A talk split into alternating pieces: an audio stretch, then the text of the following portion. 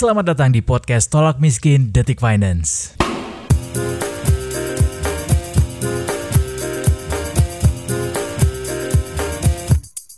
Selamat datang kembali di podcast Tolak Miskin Detikers bersama gue Eduardo Simorangkir.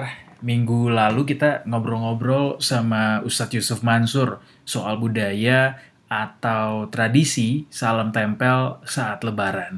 Nah sekarang kita ngomongin nasib salam yang mau ditempelnya nih alias THR Detikers.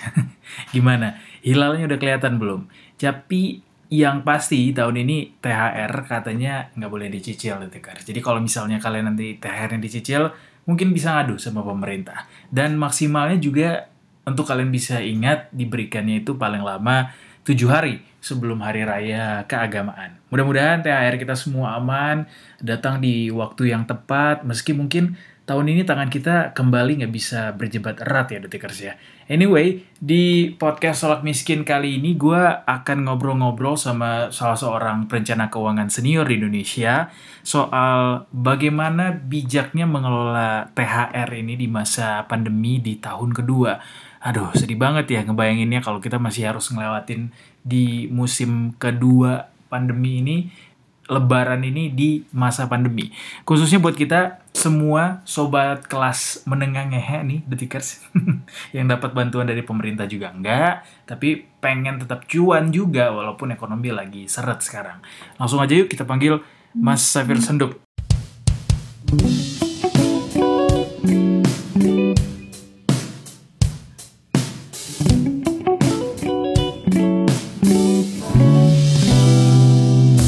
Mas Safir, seminggu terakhir ini berita Oke, ya. soal THR tuh lagi kenceng banget dibaca sama pembacanya Detik.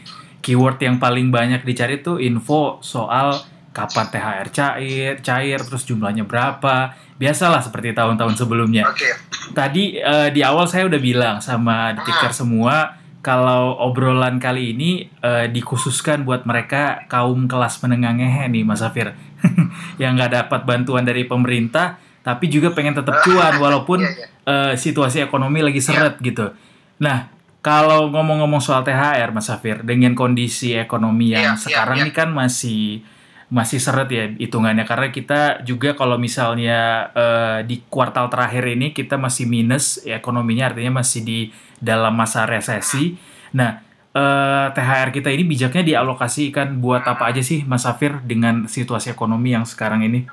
Jadi pertama itu adalah THR itu yang pertama diberikan untuk THR pegawai yang bekerja di rumah. Hmm. Itu yang pertama. Ya, misalnya kita punya asisten rumah atau apa, itu minimal satu pertama. Nah, kemudian yang kedua itu adalah untuk eh, makan dan minum. Eh, makan dan minum, eh, ah, sorry, bahan makanan untuk acara lebaran. Ini yang kedua, bahan makanan untuk acara lebaran. Kenapa? Karena orang Indonesia ini biasa kalau lebaran itu kita kalau nggak berkunjung ya dikunjungi. Nah kalau kita dikunjungi biasanya ada apa namanya ada biaya yang harus kita keluarkan untuk makanan Hmm. gitu ya. Itu itu yang kedua. Kemudian ketiga itu adalah untuk angpau. Nah ini biasanya ini angpau ini kita kasih ke sanak saudara, tapi biasanya ini ke om om atau tante ke keponakan biasanya. Hmm. Jarang sekali THR tuh kasih ke sepupu, kecuali kalau sepupunya beda jauh umurnya. Dan ini ada, misalnya sepupunya udah umur 40-an, dia kasih eh, sepupunya juga, tapi yang masih 20-an, itu ada.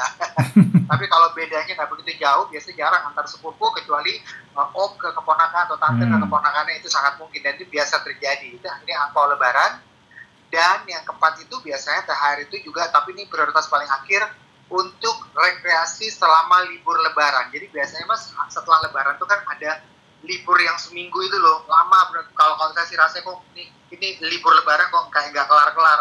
Jadi biasanya semua bisnis pada tutup. Nah, saya ya kan libur lebaran itu semua bisnis pada tutup tapi yang buka tuh biasanya uh, mall-mall besar gitu ya, Dufan lah segala macam. Nah ini malah libur lebaran ini sering kali pengeluarannya tuh sangat-sangat besar untuk keluarga tuh di libur lebaran. Nah kalau ada mudik lebaran biasanya ini lebih besar lagi. Kenapa? Karena orang dari kota dia mudik ke kampung halamannya, dia ajaklah itu semua satu keluarga itu pergi dan itu tidak satu hari itu bisa tiga hari, empat hari dan seterusnya. Jadi kalau saya bilang eh, lebaran ini atau libur lebaran ini sering kali menghabiskan uang yang cukup banyak, padahal bagi sebagian orang uh, ini uh, penghasilannya bahkan berkurang. Hmm, hmm.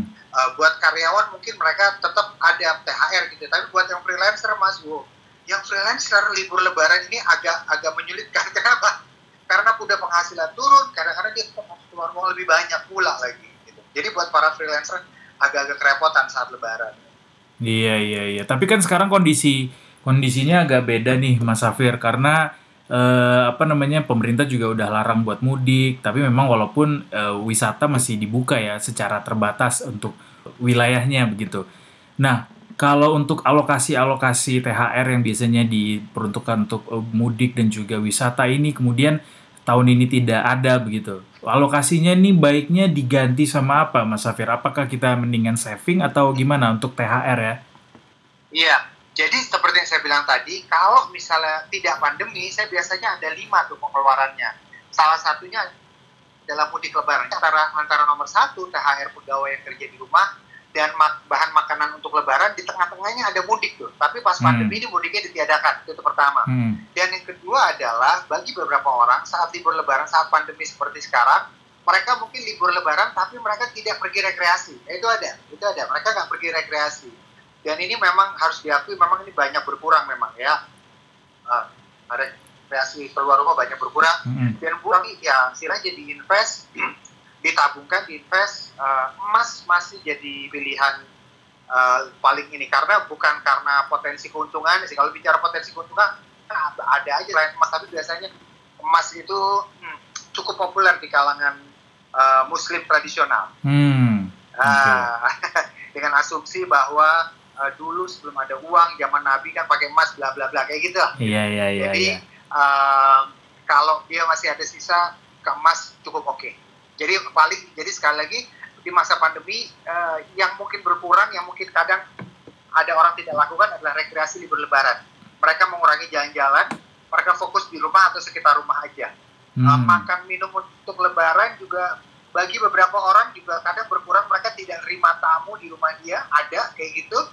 Uh, kalaupun dia berkunjung benar-benar cuma satu kali dua kali dia benar-benar berkunjung ke saudara yang benar-benar dekat banget ke kakaknya aja atau ke adiknya ke orang tuanya tapi ke sepupunya apa dia enggak hmm. uh, yang yang menarik bahkan sejak tahun lalu beberapa halal bihalal dilakukan lewat zoom yeah. beberapa ah, seperti saya lihat sendiri mereka melakukannya via zoom nih kayak gitu hmm. jadi saya pikir ada kedua karena untuk leba, uh, untuk uh, lebaran walaupun nggak semua dan rekreasi untuk libur lebaran walaupun nggak semua tapi mudik jelas uh, banyak yang tidak lakukan. Hmm, artinya berarti alokasi sisa duit THR tuh yang di, tadinya dipakai buat mudik terus nggak ada bisa jadi lebih lebih memperbesar porsi untuk uh, nabungnya atau investasinya ya, betul. ya Mas Safir ya. Betul, betul, hmm. betul, betul, betul. Oke, okay, dengan itu udah, udah pilihan dia, udah udah pilihan dia sih. Dia hmm. perbesar nabung atau dia malah perbesar belanjanya karena sekarang hmm. belanja online atau... gampang banget kan. Sekarang kadang-kadang orang malah jadi lebih boros. Iya, iya, iya atau mungkin bayar utang justru ya Mas Hafir ya? Iya bayar utang juga bisa. Duluan mana nih Mas Hafir? Bisa, kalau bi kalau bijaknya bayar utang dulu atau investasi dulu baru ntar dibayar utangnya? Kalau kalau kita bicara bijak sih ya bayar dulu kan. Kenapa? Hmm. Karena kalau utang itu kan biasanya kalau dia tidak perlu nanti seluruhnya ada yang namanya bunga kan gitu kan. Hmm. Ada bunga. Tetapi biasanya orang eh, kadang-kadang kalau dia betul-betul mendahulukan diri sendiri yang dia dahulukan malah nabungnya investasinya Nah, nabungnya nanti nggak usah semua, barulah nanti sebagian kecil baru dia buat bayar utang. Jadi dia utangnya nggak apa-apa, nggak usah lunas, nggak apa-apa panjang nggak apa-apa, tapi yang penting saya fokus bisa nabung deh sekarang. Ada yang kayak gitu. Oke. Okay.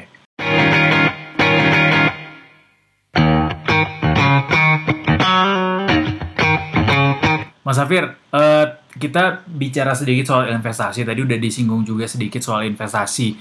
Uh, tadi Mas Safir sudah mention di awal yeah. bahwa yang kemungkinan akan jadi pilihan mayoritas buat umat muslim yang dapat THR nih bakal investasi ke emas mungkin seperti tahun-tahun iya, sebelumnya. Betul. Tapi di tahun-tahun sekarang iya. di zaman-zaman sekarang nih Mas Safir kan ada beberapa instrumen hmm. investasi baru yang digeluti sama anak muda. Iya. Anak muda kita yang sekarang juga lagi doyan investasi. Salah satunya adalah cryptocurrency yang juga jadi jadi yeah. primadona di mana-mana sekarang. Kalau saya lihat yeah, ke yeah. Mas Safir kan juga lumayan sering nih uh, nyinggung-nyinggung soal kripto nih Mas Safir. soal iya, gimana iya, iya, gimana iya, Mas iya, Safir iya. bilang bahwa uh, habis gelap terbilah terang, dulu main saham, sekarang main kripto. Nah, kayak gitu-gitu kan banyak sekarang. Dari yang tadinya dari yang tadinya screenshot uh, apa portofolio saham terus sekarang screenshotnya portofolio kripto. Nah, kalau Mas Safir, iya, iya, kalau Mas Safir ngelihat sekarang ini gimana untuk investasi? Eh, apakah pilihan cryptocurrency adalah pilihan yang tepat buat eh, buat yang terima THR kalau mau mengalokasikan duitnya duit THR-nya buat investasi atau eh, apa pilihan dari Mas Safir sendiri sebagai seorang perencana keuangan? Ya, jadi ketika kita bicara poin pilihan investasi, kita bisa memilihnya dari beberapa sudut pandang. Jadi yang pertama ada memilih dari sudut pandang risiko. Uh, dia mau invest ke tempat yang menurut dia risikonya dia bisa tolerir gitu ya. Jadi kalau mm -hmm. uh, nah kalau bicara risiko kripto itu gila risikonya, yeah. siap itu itu dia bisa bisa naik dua, naik 20 persen tapi hari yang sama turun 30 persen itu dahsyat hmm. dan buat orang yang mendahulukan memilih investasi dari risikonya mungkin tidak akan pilih kripto kali mending dia pilih saham Hmm. Itu pertama. Tapi ada juga orang yang memilih investasi dari eh, kesukaan dia. Kalau kita lihat, kalau kalau Mas Edo lihat uh, penikmat atau investor saham sering kali secara umur mereka lebih matang daripada ada investor kripto. Perhatiin nggak? Mereka lebih matang. Kalau hmm, trader-trader kripto tuh umumnya anak-anak muda, kepala dua, bahkan belum kepala dua. Yeah.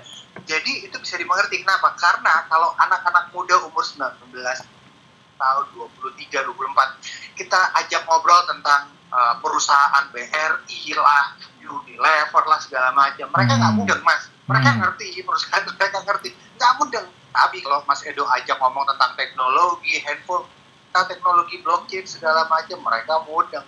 Itulah kenapa banyak sekali anak muda nggak tertarik tapi kripto malah tertarik. Kenapa? Karena ini teknologi bro gitu. Kan yeah, yeah, mereka yeah. penerimaan terhadap resikonya luar biasa jadi kalau Mas Edo tanya saya, kalau dilihat hanya dilihat dari potensi untungnya, mana kripto hmm. itu kencang potensi untungnya, hmm.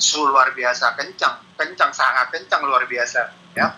Tapi jadi ya risikonya juga luar biasa. Betul. Jadi untung kripto bisa dilirik, tapi untuk mereka yang untung penting, tapi yang penting itu adalah harus ada fisiknya dong segala macam. Mungkin dia bisa pilih emas sama saham karena bagi dia kripto itu tidak ada underlying aset lah. Hmm.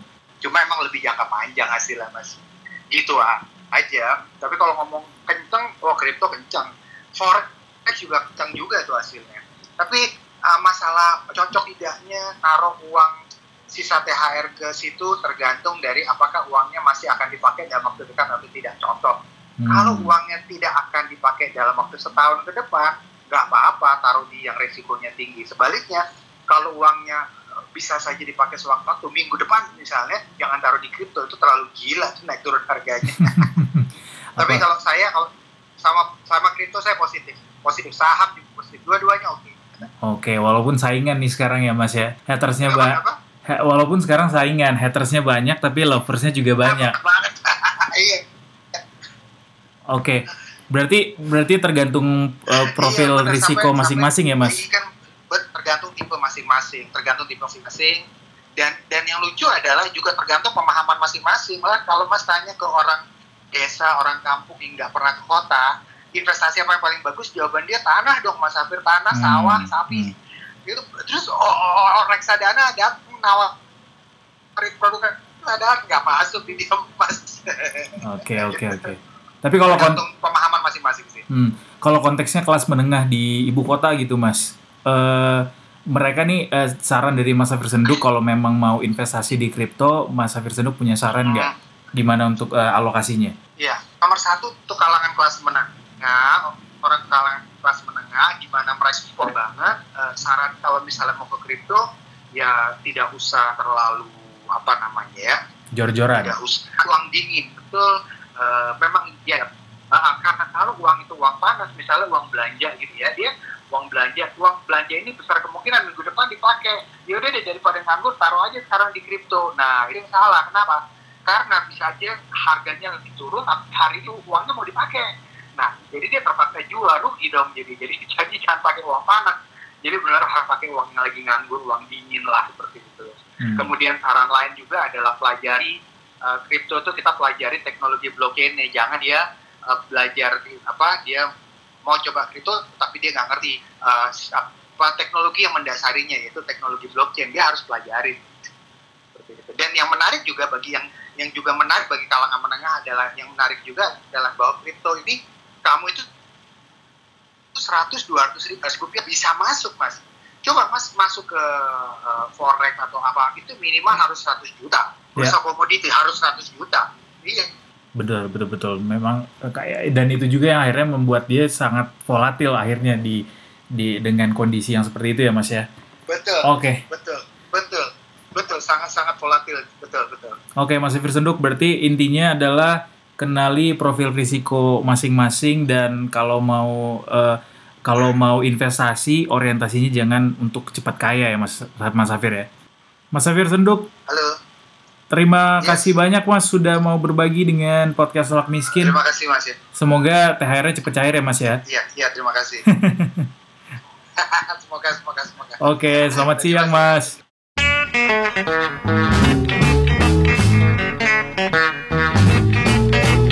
Jadi, mau pilih apa pun eh, alokasi untuk THR yang kalian dapat nanti, berusaha untuk membaginya sebijak mungkin dengan situasi ekonomi yang kalian miliki saat ini. Dan ingat, kalaupun mau diinvestasikan, orientasinya jangan buat cepet kaya ya, detikers ya.